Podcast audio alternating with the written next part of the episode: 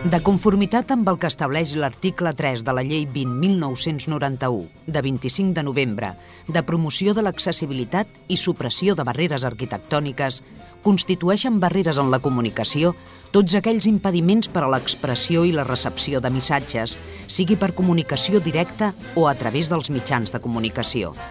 És per això que emparam-nos en aquesta llei, volem que cada ciutadà gaudeixi del seu propi espai per moure's, un espai sense censura, un espai en què vosaltres sigueu els protagonistes.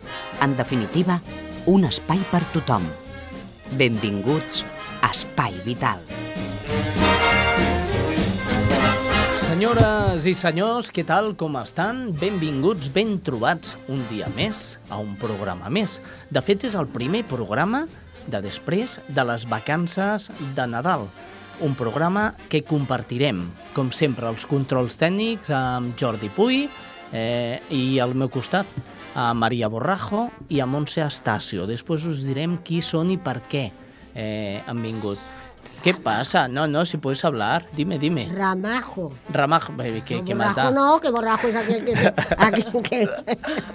Bueno, bueno. Ramajo, ramajo. Maria Ramajo. Ja Eso. està, que queda dicho, no passa res. Senyors, comencem amb 3, 2 o 1.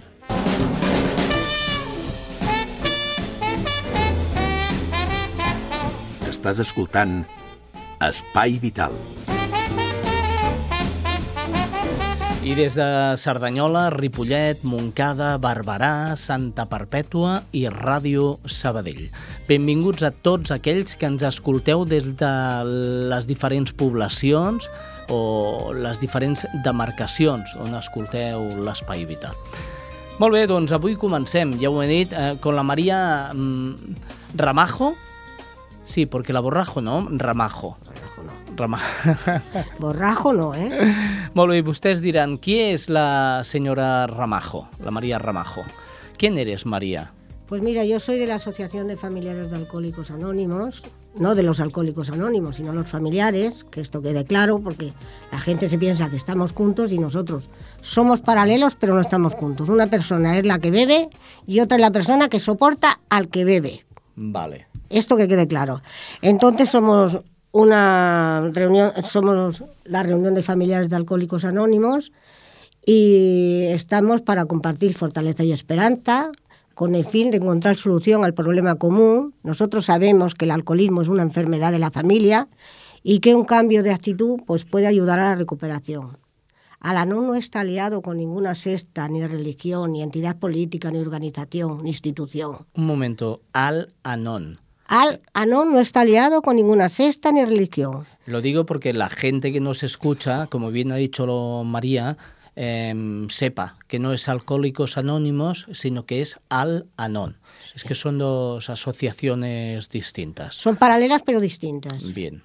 Al es de alcohólicos y al Anón es Anón. de afectados, O Anónimos. anónimos. Vale. Entonces, eh, nosotros ya te digo, no, no, o sea, somos una asociación que compartimos fortaleza y esperanza con el fin de encontrar solución a nuestro problema común. ¿Y Nosotros sois? no entramos en controversias, Mm. ni apoyamos, ni, ni combatimos ninguna causa. Nuestro cometido solo es ayudar a los familiares de, al- de alcohólicos anónimos, dando la bienvenida a la gente que viene, arropándola y dándole un mensaje de esperanza y ayudar al alcohólico, si se deja ayudar. Supongo que Al-Anon no está eh, cazado con ninguna religión, ni, Ya te lo he dicho. ni con ningún partido político. No, no, no, no, no, no. Es eh, totalmente mm, libre. Sí, sí. Nosotros verdad. no estamos aliados con ninguna secta, religión, entidad política, organización, institución. No tomamos partes en controversias, ni apoyamos ni combatimos ninguna causa. ¿Tenéis alguna sede? Sí, estamos ahí en Francés Aire 74, en la Asociación de Vecinos de Sardañola del Vallés. Ajá. ¿Cualquier persona puede acudir a Sí, vosotros sí, o sí, tiene sí. que ir a través de servicios sociales? O... A ver, puede, hay muchos medios. Hay gente que va a hacer servicios sociales y entonces, pues, es medio de esos medios los mandan. Otras personas pueden ir sin más. O sea, nosotros allí estamos para recibir a la gente que de buena voluntad quiera eh, recuperarse porque esté afectada por la forma de vivir o haber vivido o tener un pariente, un amigo con un problema de alcoholismo. Ahí, ¿De qué manera se ayuda a un afectado por alcohol? a ver, que ¿de qué manera nos ayudamos? Sí. Pues nos ayudamos pues con nuestras propias experiencias y tenemos nuestra literatura y bueno, pues con el fin de encontrar una solución con toda la gente que vivamos, eh, estamos acostumbrados a hacer una especie de terapia de grupo. Leemos la literatura, desglosamos la literatura que leemos Mm. y todo esto pues nos fortalece, nos da fuerza, nos da esperanza y nos da mm, la fortaleza esa para luchar contra esta enfermedad que realmente es muy grave, aunque la gente no se lo crea. Tú me has dicho una cosa que a mí mm, me toca mucho, que es eh, el hecho de que seáis eh, familiares de enfermos eh, con, con el síndrome de- del alcohol. Sí. ¿eh? Sois familiares. Eh, eh, es verdad que, que una persona alcohólica en tu familia crea muchos problemas, pero son problemas que tampoco son, son hechos expresamente por la persona porque él no es consciente ¿no? de las cosas que hace. Bueno, es que a ver, el alcohol, cuando el el- la persona está bebida, tiene una doble personalidad. Entonces, una cosa es lo que hace cuando está normal. Un alcohólico es una persona normal, como cualquier otra. Sí.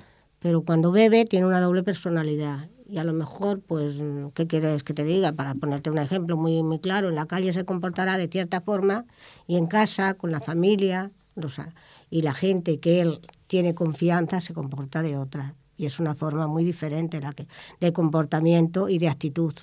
Ajá. Entonces nosotros aprendemos que con la forma de nuestra actitud podemos llegar mm, a entender, a comprender la enfermedad y aceptar la enfermedad. Y entonces, pues nuestra carga ya es muy diferente, porque piensa una cosa, que la persona que no sabe lo que es el alcoholismo piensa que es un borracho, que es un vicioso, que, que a ver, que no tiene cabeza, que es un, de, hablando mal, un desgenerado. Entonces no, es una persona normal y corriente. Lo único que tiene unas características de que cuando bebe se transforma. Y al transformarse, se transforma siempre en casa, con la familia, no en la calle. Y entonces esa es la, la doble personalidad que yo te estoy explicando. Entonces, esto que le pasa a esta persona, pues es una especie, es que es como si tuviera, estuviera mal de la cabeza, ¿no? Sí. psicológicamente están mal. Entonces todo eso se transmite al entorno familiar y acabamos enfermos todo el entorno familiar. Porque no acabamos enfermos porque ingiramos nosotros alcohol, sino acabamos enfermos porque psicológicamente nos transmite la enfermedad psicológica. Ajá. Por el, dijéramos, mm, a ver, un día, por ejemplo, esta persona te puede traer a lo mejor un ramo de flores y al otro día, al momento, al rato, te viene poniendo a la altura del barro si es que no te pega. O si es que no te, te insulta, te... En fin, entonces eso, esos son uno- unos altibajos que lleva la mente, que debido a esos altibajos que lleve, que eso cuando hacen estos test de los médicos y todo, pues se ve que la mente nunca está, nunca está normal en un, en un estado de, no, me lo sé explicar bien, de pero bueno. placidez, de Sí, tranquilidad. de tranquilidad. Sí. Entonces la mente siempre tiene unos altibajos muy fuertes. Y entonces es ahí cuando la enfe- en personas que están viviendo con estas personas es la enfermedad que, le- que les crea.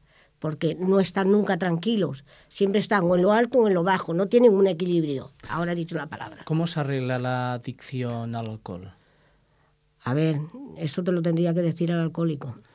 Mm, Bueno, Eh, la, la adicción al alcohol, la mayoría de la gente que va a Alcohólicos Anónimos, tanto hombres como mujeres, el 80% salen.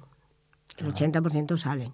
Hay otros métodos, hay con psiquiatras, hay con psicólogos, hay con, pues, yo qué sé. Eh, también están alco- alcohólicos rehabilitados, unos que otros. Pero realmente los alcohólicos anónimos, hoy por hoy, es eh, no porque yo esté en la asociación, eh, que yo no estoy en la asociación de alcohólicos anónimos, estoy en la otra, sí. pero hoy por hoy se, estadísticamente los médicos reconocen que alcohólicos anónimos son los que más recuperan. Muy bien. Pues eh, hacemos una parada, un alto para mm, la publicidad, que siempre queda bien, y volvemos enseguida. De acuerdo. Què passaria si mengessis només una vegada? Que al cap de poques hores començaries a sentir fatiga i mareig. Després et baixaria la pressió i la temperatura corporal. Et sentiries molt feble i perdries el coneixement. Què passa si dones sang només una vegada? Que al cap de pocs dies ens comencen a faltar glòbuls vermells. Després baixen les nostres reserves per fer transfusions. Tot seguit comencem a trobar que ens manquen plaquetes. Així no podem ajudar els malalts de càncer, ni podem atendre emergències. Necessitem que tornis a donar sang, com tu necessites tornar a menjar. Amb una vegada no n'hi ha prou. Vine a donar. Banc de sang. Fa un mes tenia dos fills. Ara també. Fa un mes m'encantava passejar. Ara també. Fa un mes em quedava dormida cada nit davant de la tele. Ara també. Fa un mes em van diagnosticar esquizofrènia. Fa un segon, jo era la mateixa persona que ara, però tu potser ja no em veus igual. Per la salut mental, no a la discriminació, sí a les persones. Obertament.org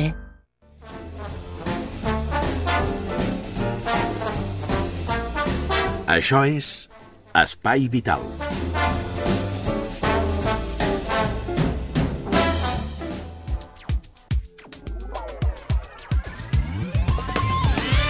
Seguimos, porque había todavía alguna cosa que tenías que decirme, eh, María. Bueno, pues nosotros el día 19 hacemos nuestro aniversario de grupo. Hacemos ya 22 años. 19 de enero. El 19 de enero, De enero. hacemos nuestro aniversario de grupo eh, a las 7 de la tarde. Y pues bueno, quiero convidar a todas las personas que quieran compartir con nosotros, saber lo que somos, qué hacemos, cómo trabajamos el programa, porque nosotros tenemos un programa de recuperación. Ajá. Sí, entonces, pues toda la persona que esté interesada en saber lo que hacemos, cómo, nos lo cómo hacemos el programa y cómo allí convivimos unos con otros, pues puede venir, está convidado en la calle Francés Laire 74, Sí. en la Asociación de Vecinos, en la puerta ya pone el cartel, a las 7 de la tarde, o sea, a las 19 horas, el día 19 a las 19 horas. Pues ya lo saben ustedes, el día 19, fiesta. Sí, y luego habrá pica Sin pica. alcohol, ¿eh? Sin alcohol. Ah, no, no, todo, sí, Sin sí, alcohol. sí. Sin alcohol pica pica, sí. Está muy bien. Coca-Cola, café, eh, pastas, todo lo que se pueda. A ver, Ah. nosotros, nosotros somos pobres porque yo quiero decir una cosa. Nosotros no recibimos subvención de nadie Ajá. porque no, que, nuestras tradiciones no nos lo permiten. Y nosotros nos mm, financiamos por nuestros propios medios. Pero resulta de que nuestra asociación, como no puede tener dinero, allí no se paga nada. O sea que en Al- Alanón ni Alcohólicos Anónimos Sí. no está permitido cobrar dinero a nadie. O sea que es gratuito totalmente. Una pregunta, María. Las personas que acuden a Al-Anon y se recuperan, luego hacen por volver y ayudar a los demás. Es una pregunta muy... Hombre, mira mi caso, hay de todo, hay que sí, hay que no, pero hay, sí, hay mucha gente que sí. Piensa una cosa, que como yo hay mucha gente que llevamos casi 30 35 y 36 años. Ah. O sea, desde que se abrió el primer grupo en Barcelona, que estamos ahí. Y hay mucha gente que ahora ya, pues bueno, se han muerto, pero que no lo han dejado nunca. Y gente que están ya en residencias, que no lo han dejado nunca, porque piensa que en Barcelona hace unos cuantos años que se fundó el primer grupo en Barcelona. Y de ese primer grupo, yo soy una de ellas, te testigo que soy una de ellas. Y hay muchas personas que eran más mayores que yo, y ahora ya unos están muertos y otros pues ya están en residencias o muy viejecitos, pero no lo han dejado. O sea, el agradecimiento personal que tú recibes de aquellas personas que te han dado tanto amor, tanto cariño, tanta comprensión y han aceptado tantas cosas, cuando tú llegas, llegas muy mal. Y entonces todo ese mejoramiento que a ti te han dado, luego tú, a ver, es como, como, como, como una deuda Si te dan, das. Tú que si tú te tienes, han dado, das. que tú tienes para que otras personas que lo necesiten, porque esas personas que van a necesitarlo, el día de mañana cuando yo no esté, también darán ellas y le darán a ellas. Ah. O sea, yo siempre, a mí siempre me han dado más que yo he dado, siempre. Porque por mucho que yo dé, siempre recibo más. O sea, es mm, la gente no, a lo mejor no lo va a entender, pero sí que es verdad. Tú cuando más das, más recibes. Porque es la satisfacción personal lo que a ti te queda. Y no es dinero ni es nada de eso, son sentimientos. Porque nosotros trabajamos con sentimientos, no trabajamos con otra cosa. El sentimiento es lo más importante del ser humano. Eh, Creo que queda claro. Por cierto, María, tú no tendrás móviles en tu casa para, para decir, eh, lo voy a tirar. No los tires. No los tires. ¿Tienes móviles en tu casa que no sabes qué hacer? Sí, sí. ¿A que sí? ¿Sí? ¿Tienen móviles? Sí. Sí, pues te vamos a dar una solución porque nuestra segunda invitada hoy en el Espai Vital, Espai Vital es diu eh, Montse Astacio. Hola, què tal? Vale? Ens va enviar un correu dient és que jo eh, recullo mòbils, eh, no sé per què, eh? Sí. No sé per què, per què el recolliu? Molt bé, doncs mira, jo... Qui sou? Primer de eh, tot, qui sou? Uh, nosa... Jo sóc membre de l'associació d'EDMI, Sí. que és uh, una associació d'afectats per patologies mitocondrials. Mm -hmm. Uh, bé, aquestes uh, patologies uh, estan englobades dintre de malalties metabòliques Sí.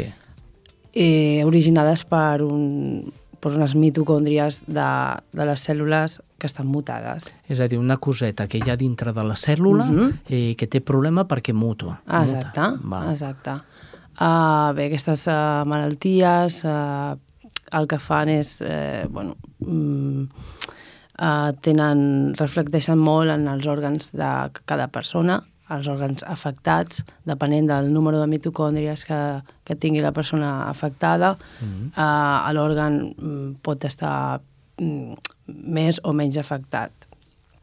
Llavors, bé, de, des de l'associació doncs hem impulsat uh, aquesta, uh, aquesta idea no?, de recollir mòbils Mhm. per, per poder trobar un, un tractament efectiu o per trobar això, doncs, els medicaments que puguin uh, combatre aquestes malalties que avui en dia uh, bueno, estan pobres de- d'investigació.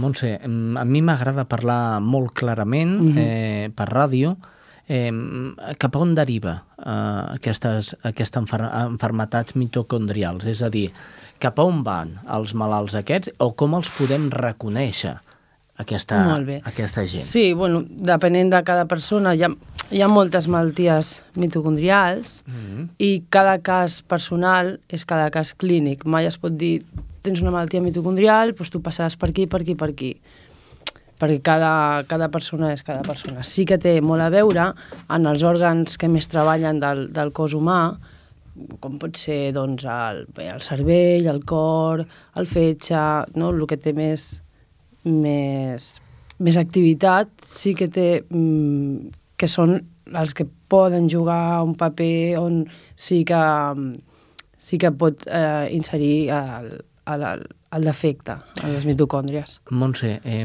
quines són les senyals que dona el cos de que eh, una persona està pastint una malaltia mitocondrial? Les més, les més, les més visibles, eh? Mira, la malaltia mitocondrial es pot manifestar des d'infants, a partir de, de l'any, fins a eh, espontàniament que li surti una persona adulta. Una Ah. persona pot passar, jo què sé, doncs 30 anys de la seva vida normal, bé, sana, i un dia, eh, una temporada, noti que alguna cosa no va bé i que detecti una malaltia mitocondrial. Sí, però dic jo que quina cosa no va bé. És a dir, Doncs, és que alguna cosa no va bé, a mi també hi ha dies que em passen coses que no van bé, no? Sí. Vull dir, Refereixo que, clar, una mica Pues perquè la gent identifiqui. Per exemple, en el cas del, dels nens pot Sí. haver-hi un, un endarriment eh, motriu o, o sigui, una, sí, alguna, per exemple, una falta d'activitat o, o uh, un, un, un, una fallida en algun òrgan o, Mhm. i en el cas de, de, dels adults, uh, per exemple, la mobilitat. Uh, un dia que una època que dius, ostres, pues, què, què m'està passant? Perquè d'aquí a un temps em trobo més dèbil, més... doncs això és una, una mica enfocat. Clar, sempre una malaltia mitocondrial t'ho podran detectar um, o bé amb una punció uh, lumbar que, que et digui, doncs, és això, eh, que et doni la informació Mm -hmm. o amb, o amb proves genètiques. Molt bé, en parlarem després més tard, perquè Mhm. vull parlar més encara de les malalties mitocondrials. Molt bé, molt bé. Si us sembla bé, eh, us posaré un capítol de El món groc, de, del llibre d'Albert Espinosa, Sí.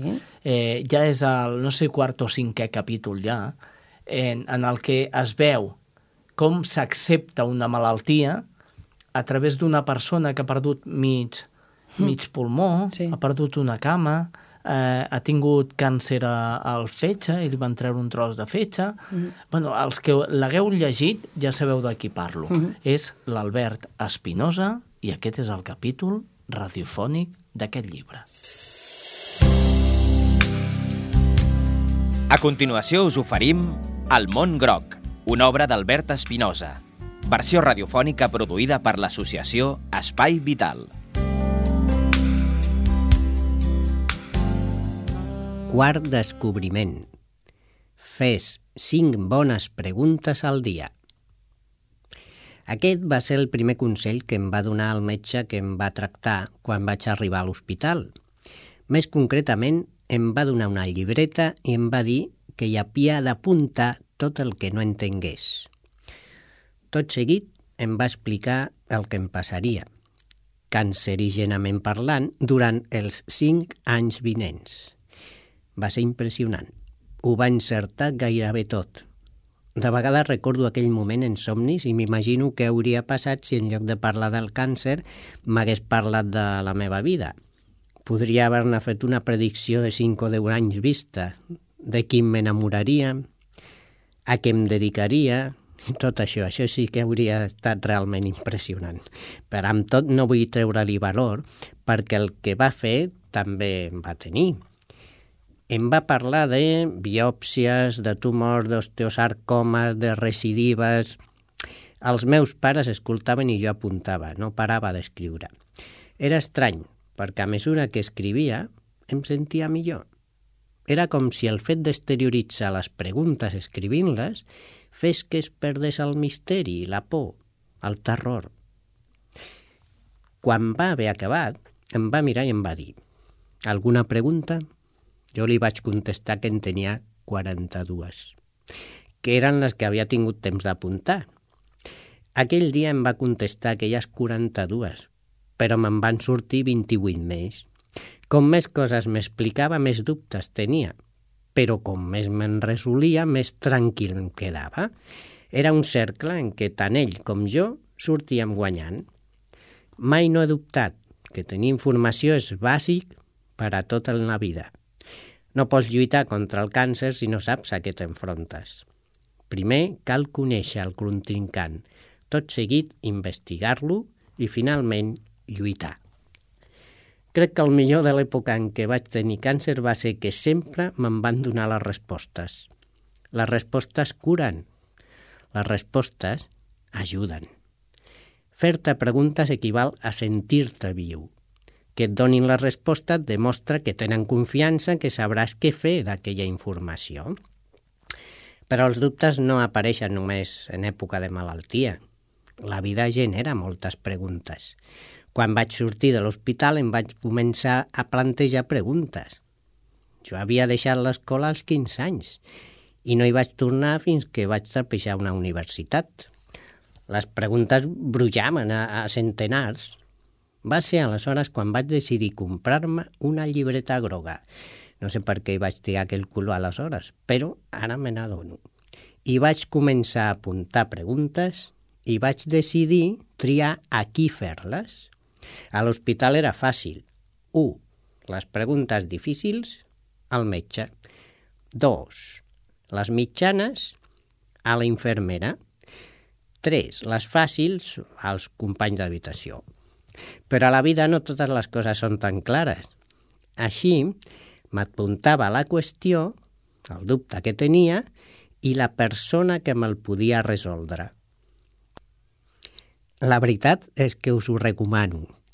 Al començament us sentireu babaus d'apuntar preguntes estúpides i les persones que us sembla que en tenen la resposta, però a mesura que us la responguin, l'eficàcia del mètode i veure que et sents millor us convertirà en uns addictes a la llibreta.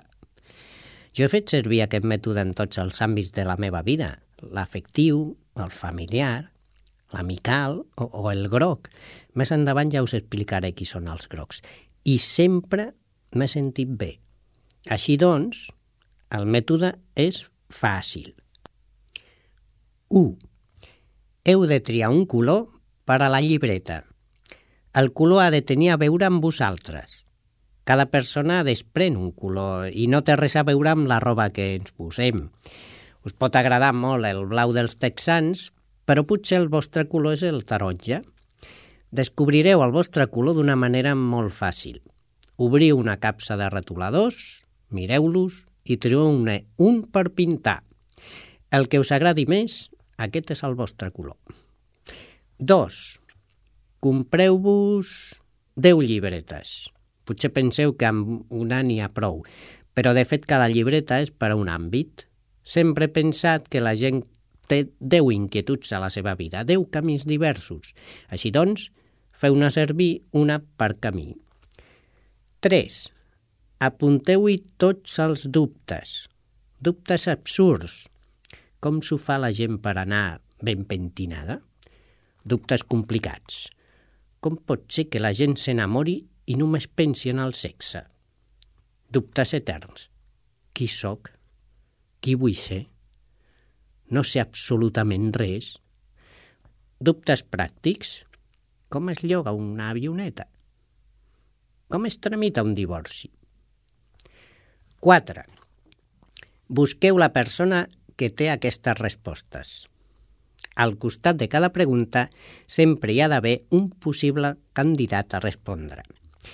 No deixeu mai buit aquest apartat. Poseu-hi algú, tot i que encara no el conegueu. Tot i que sigui un famós, una invenció o un impossible. 5. Pregunteu, absorbiu, apunteu el dubte que us aclapara i torneu a preguntar. Com més sacieu els dubtes, millor us sentireu. A l'hospital ens deien que és bo beure dos litres d'aigua al dia i el meu metge sempre afegia i fes cinc bones preguntes. No oblideu, exposeu cinc preguntes cada dia i bebeu dos litres d'aigua.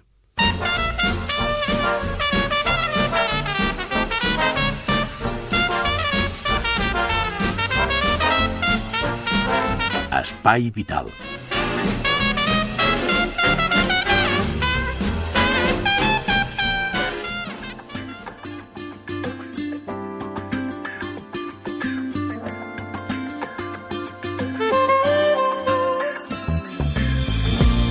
Tornem des de l'estudi i tornem a parlar amb Montse Estacio, que ho havíem deixat amb una petita pinzellada Sí.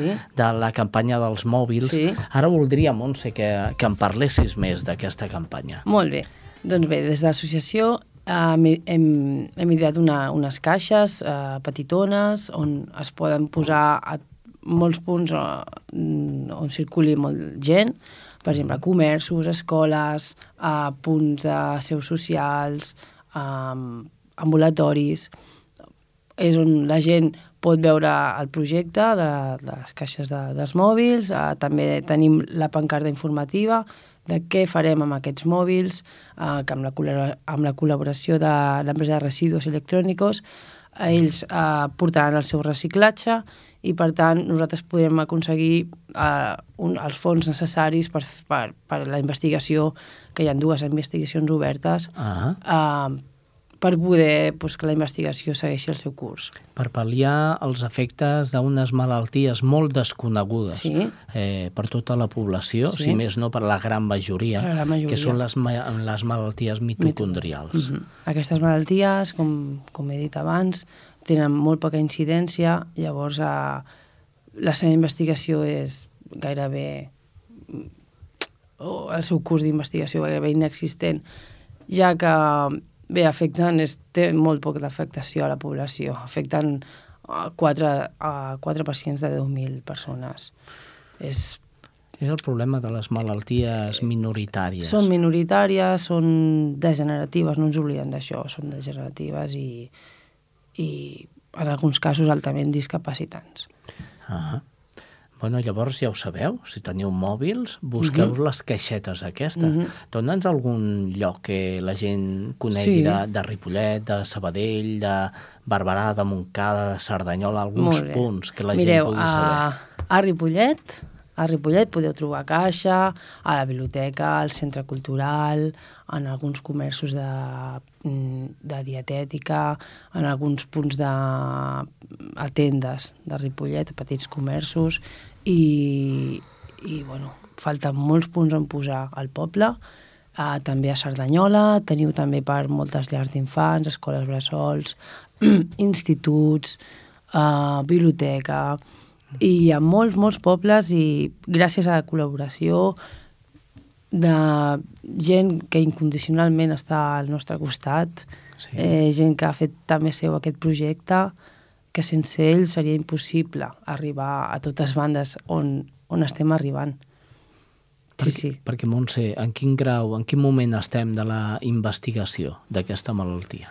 Sí que és veritat que estan obertes dues línies d'investigació, però la investigació ara va molt, molt, molt lentament. Va no, molt lentament. No hi ha peles, no hi ha investigació. No hi ha peles, hi ha retallades, no hi ha investigació i les investigacions eh, pues, tiren per una altra banda. I que sí sigui, eh, també, perquè hi ha moltes malalties que necessiten de la seva investigació, però no hem d'oblidar mai les, les que són minoritàries, que són greus també.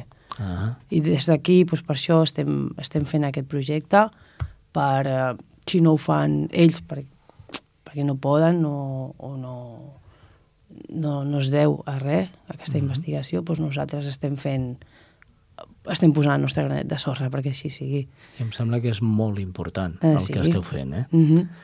Molt bé. Eh, malalties mitocondrials. Eh, com es pot informar la gent sobre què són, quina plana web teniu, Sí. quin correu electrònic poden utilitzar, quin Mhm. telèfon us poden trucar? Doncs- Perquè suposo que la gent al sentir malaltia mitocondrial es Mhm. fan allò com un Sí, plano d'això és que no això, saben no? què, què Sí. nassos és això, no? Sí, sí. I llavors la persona que li pugui passar o que substiti Mhm. que pot tenir una malaltia mitocondrial, Sí. sempre és necessari la informació. Sí, va molt bé tenir l'as- l'associació una miqueta a mà per buscar informació, buscar altres familiars també que estan tenen familiars afectats. Mm. Uh, L'associació es diu AEPMI, té la sede a Sevilla, uh, la formen, ara mateix la formen 200 famílies i tenim un, un blog on podeu seguir les nostres iniciatives per, per buscar recursos per a la investigació. El blog es diu uh, iniciati eh, Iniciatives Solidàries per a la Investigació Mitocondrial Mm. i tenim també una pàgina de Facebook que es diu AEPMI. Al Facebook també ens podeu seguir. Doncs ja està clar, no? I, i qui s'encarrega de mm, una persona que sospiti Uh -huh. que pot tenir una malaltia mitocondrial, Sí. a quin metge ha d'anar? Doncs... Uh... El de capçalera primer, estem clar. Això val, primer, però... això primer. Però això després... primer, doncs mira, el de capçalera, el pot ser que el derivi... Uh, depèn, depèn del símptoma que tingui. Mm. El podrà derivar a un endocrí, el podrà derivar a un hematòleg, uh, depèn del, del símptoma que tingui. Uh, sí, clar, les proves no, que li estan fent en els metges a, de, en, els, en, els, en els especialitzats, en els metges especialitzats en cada cas, no troben res, doncs li faran una, una prova de genètica Mm -hmm. i allà sortirà tota la informació, tot i val a dir que aquestes moltes proves, molta, molts, molts, molts nens passen potser fins als 4, 5 o 6 anys sense saber, sense donar un diagnòstic i aquest temps d'espera és, mm, és bastant bast, bastant difícil no? Pel, pels pares. Eh. Angoixant. Angoixant, més no. sí, Mm. sí, sí. És, si tenen sort, eh, potser en quatre mesos li han, li han diagnosticat i si és molt difícil de trobar, poden passar anys. Imagineu que teniu una malaltia i esteu quatre mesos Mm. esperant a saber què tenim. Sí. Mm, Sí. Doncs ja ho veieu. Eh, És- Aquesta malaltia ja ho porta, això, les Sí. malalties mitocondrials, Mm. i s'han de lluitar. I com hem de lluitar, si plau, tots els mòbils que tingueu, no els tireu, aneu a les caixetes, di Mhm. dipositeu-los allà. Sí, mira, perdona, Sí. en, la, sí, en, la, en el blog d'Iniciatives Solidàries Mm. podeu trobar tots els punts on, on, on hi ha la caixa per dipositar els mòbils. Tots els punts de- d'Espanya, de, arreu d'Espanya, s'està s'està on s'està portant la campanya. Sí.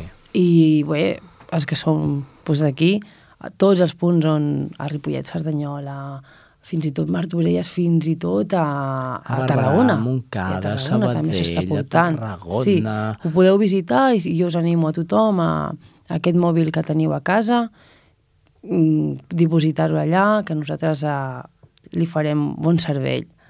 Recordem el blog. El blog es diu Iniciatives Solidàries para la Investigació Mitocondrial.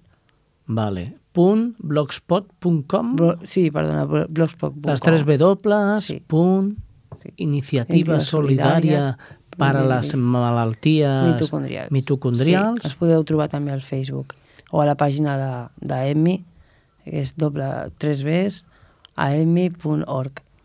Molt bé, fem una volteta per aquí, pel Vallès Occidental, i coneguem quines són les últimes novetats en quant a sanitat. Ens informen des de les diferents emissores de ràdio municipals que coprodueixen l'Espai Vital. Doncs som-hi.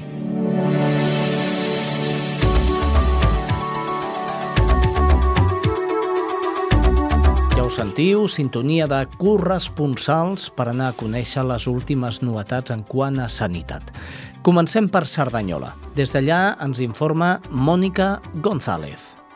Salutacions, espai en Vital des de Cerdanyola Ràdio. Un equip internacional de científics amb la participació d'una investigadora del Centre de Biotecnologia Animal i Teràpia Gènica de la Universitat Autònoma de Barcelona han publicat aquesta setmana a Nature Medicine l'identificació d'un gen que regula el metabolisme dels greixos i que està implicat en l'aparició de l'obesitat i de malalties metabòliques relacionades com la diabetis tipus 2.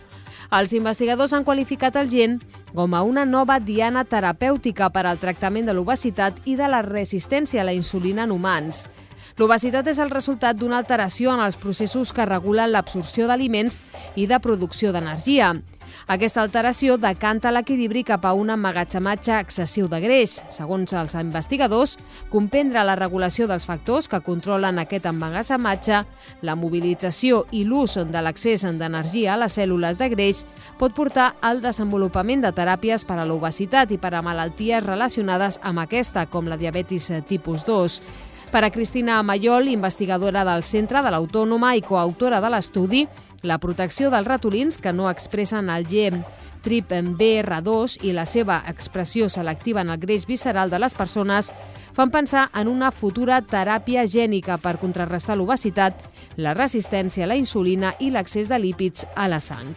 I això és eh, tot eh, des de Cervanyola Ràdio. Salutacions eh, novament des d'aquesta emissora Espai Vital.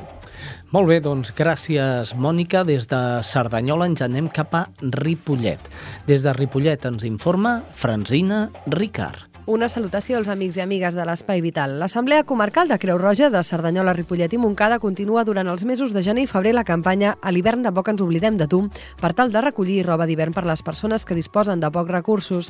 Es preveu que la campanya s'allargui fins a Setmana Santa i l'objectiu inicial és arribar a un centenar de persones en situació de màxima pobresa. Així es recullen peces de roba d'hivern com ara mantes, jaquetes, abrics, mitjons gruixuts i guants. Cal portar-la a la seu de l'Assemblea Comarcal a l'Avinguda de la Creu Roja 25 de 9 del matí a 12 al migdia de dilluns a divendres i els dimarts durant tot el dia. I això és tot des de Ripollet. Molt bona tarda. Gràcies, Francina Ricard. Anem cap a Montcada. Allà es troba Laura Grau. Salutacions. Les dues famílies moncadenques que tenen fills que fan educació compartida entre l'Institut Montserrat Miró i el Centre Especial Fàsia Sarrià continuen la seva lluita per poder formar part del Consell Escolar del centre educatiu local. Amb ajuda de Dimir, les famílies demanen flexibilitat als responsables del Montserrat Miró que els hi han tornat a denegar les seves candidatures argumentant que els alumnes no estan matriculats al seu centre. La normativa actual del Departament d'Ensenyament especifica que l'alumnat que s'escolaritza de manera compartida a causa de les seves necessitats educatives especials es matricularà al centre en el qual tingui una major permanència. En aquest cas, els dos alumnes que fan escolaritat compartida des de fa 7 i 9 anys respectivament estan matriculats al Centre d'Educació Especial Fàsia Sarrià, on passen la major part de la seva jornada escolar, però també fan algunes classes al Miró.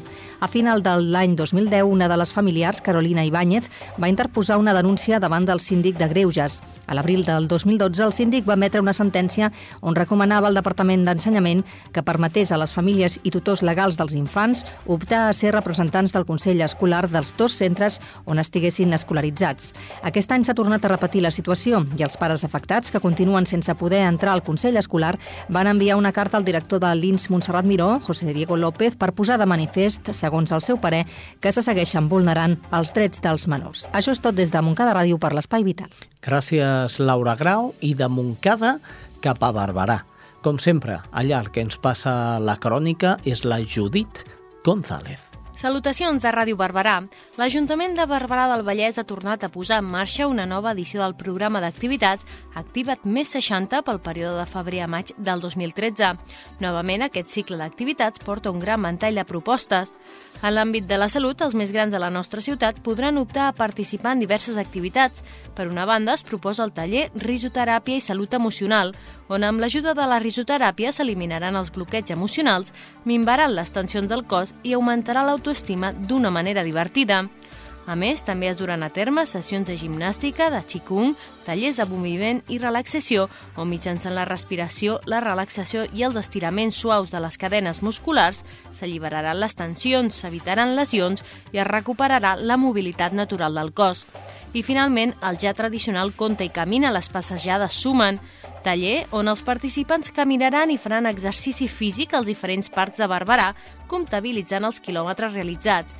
L'entrenadora, a més, ensenyarà a calcular quan es camina la resta de la setmana per marcar uns objectius adequats a cadascun. Fins la setmana vinent. Gràcies des de mm, Barberà. És que mateix, amb, amb tantes connexions, al final ja no sap un, a qui es dirigeix. Doncs gràcies, Judit González. Notícia positiva, perquè la risoteràpia és sempre positiva. Per últim ja, avui no tenim Sabadell, però sí tenim Santa Perpètua. Des d'allà ens informa Estrella Núñez. Salutacions a l'Espai Vital. La campanya a Santa Perpètua Cap Infant sense joguina, organitzada per l'àrea de benestar social i atenció a les persones de l'Ajuntament de Santa Perpètua, ha assolit els seus objectius, segons ha afirmat el tinent d'alcalde de l'àrea, Francesc Rodríguez. Rodríguez ha assegurat que s'han entregat més de 300 joguines que han servit perquè 90 infants perpetuencs tinguessin una nit de Reis com la resta. Els beneficiaris d'aquesta campanya han estat aquelles famílies que l'àrea té controlades. Una dotzena de persones vinculades al punt de voluntariat van fer els lots compostos de 3 o 4 regals per infant i van embolicar els paquets que els infants van trobar el dia de Reis a casa seva. El tinent d'alcalde de l'àrea de benestar social, Francesc Rodríguez, s'ha mostrat satisfet amb els donatius aconseguits per particulars, comerços i alguns partits polítics. En total s'han recollit més de 600 joguines i ara el departament estudia què farà amb les que no s'han lliurat. Aquesta ha estat la segona edició de la campanya a Santa Perpètua Cap Infant sense joguina organitzada per l'Ajuntament. L'any passat es van beneficiar una seixantena d'infants i aquest any han estat 90. Això és tot des de Santa Perpètua. Fins al proper programa.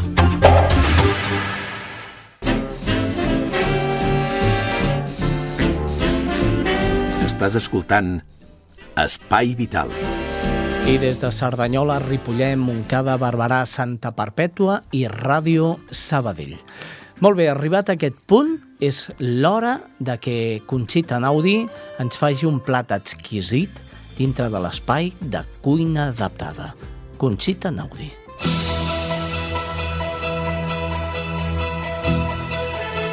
Hola, amics. Avui us porto uns fideus a la cassola a l'estil del Pirineu català.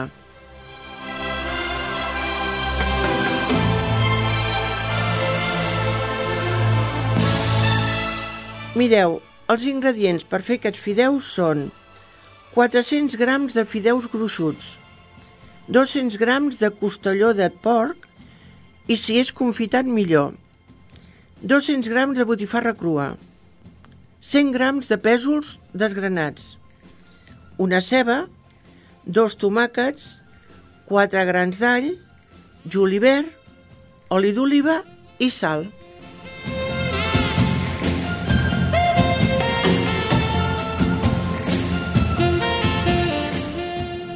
Mireu, per preparar-ho posarem un bon raig d'oli a la cassola i quan estigui una mica calent hi posarem la, la costella o costelló tallat a daus i la botifarra tallada a rodanxes d'un dit.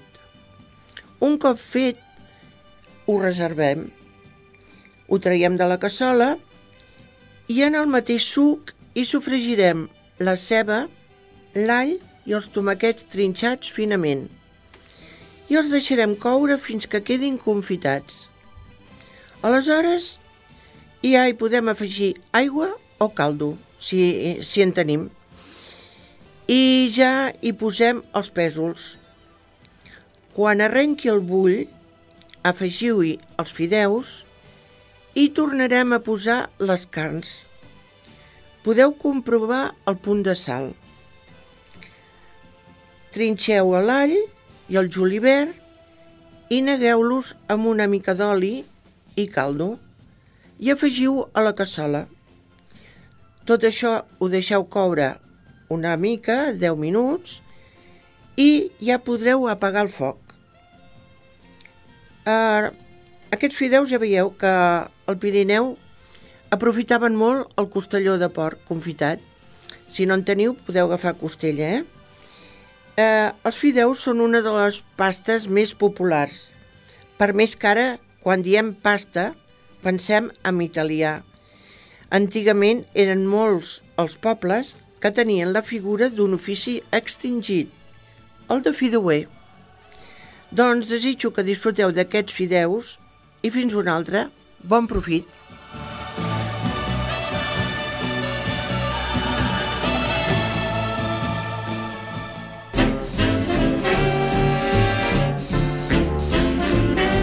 Estàs escoltant Espai Vital. I l'ideal seria estaves escoltant Espai Vital perquè hem arribat ja als minuts finals de l'Espai Vital. Eh, María Ramajo, que no borrajo. Gracias, gracias por haber estado aquí hoy. Muchas gracias a vosotros por darme la oportunidad de poder, bueno, eh, llevar este programa a todas las personas que quieran adherirse a nosotros y estamos allí, ya lo saben, ya lo he dicho antes, los, recibimos, los recibiremos con los brazos abiertos y bueno, y si quieren quedarse, pues bueno. Que se queden. Que se queden. Que se queden. Y si no quieren quedarse, pues están en su derecho. Que se piren.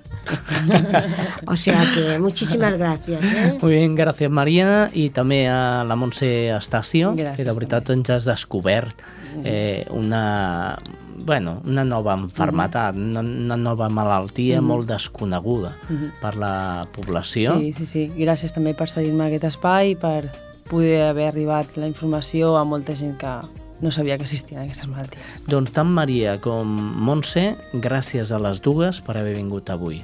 Per cert, Montse, avui eh, deixem que tu eh, demanis el Sí? tema final musical Ui, amb el quina que acabem responsabilitat, Espai eh? Vital. Ah, Quina la responsabilitat que em oh, oh. dones. Ah, no sé, qui, un grup. Doncs jo, mira, proposaré un grup que es diu La Iaia, Toma ja. sí? Um, que ho fan molt bé. Molt bé, quin tema? Um, per acabar bé i maco, la platja. Doncs senyors, ens veiem la setmana vinent. Gràcies per la seva atenció. Gràcies al Jordi Puy, als controls tècnics i un, serve, eh, un servidor, el qui els ha parlat, el Xavi Casas. Ens sentim la setmana vinent. Adeu. Vas rient i fa tan vent el teu vestit de flors és tan bonic i vas cantant a plage de Bamira. Na, na, na, na.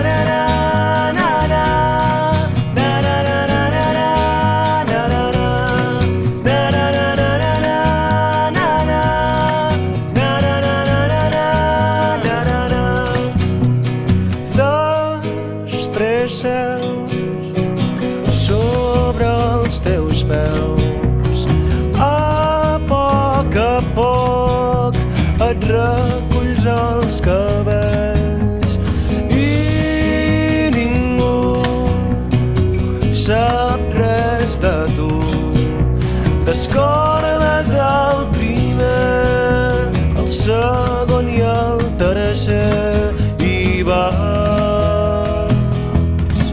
cantant. La platja et va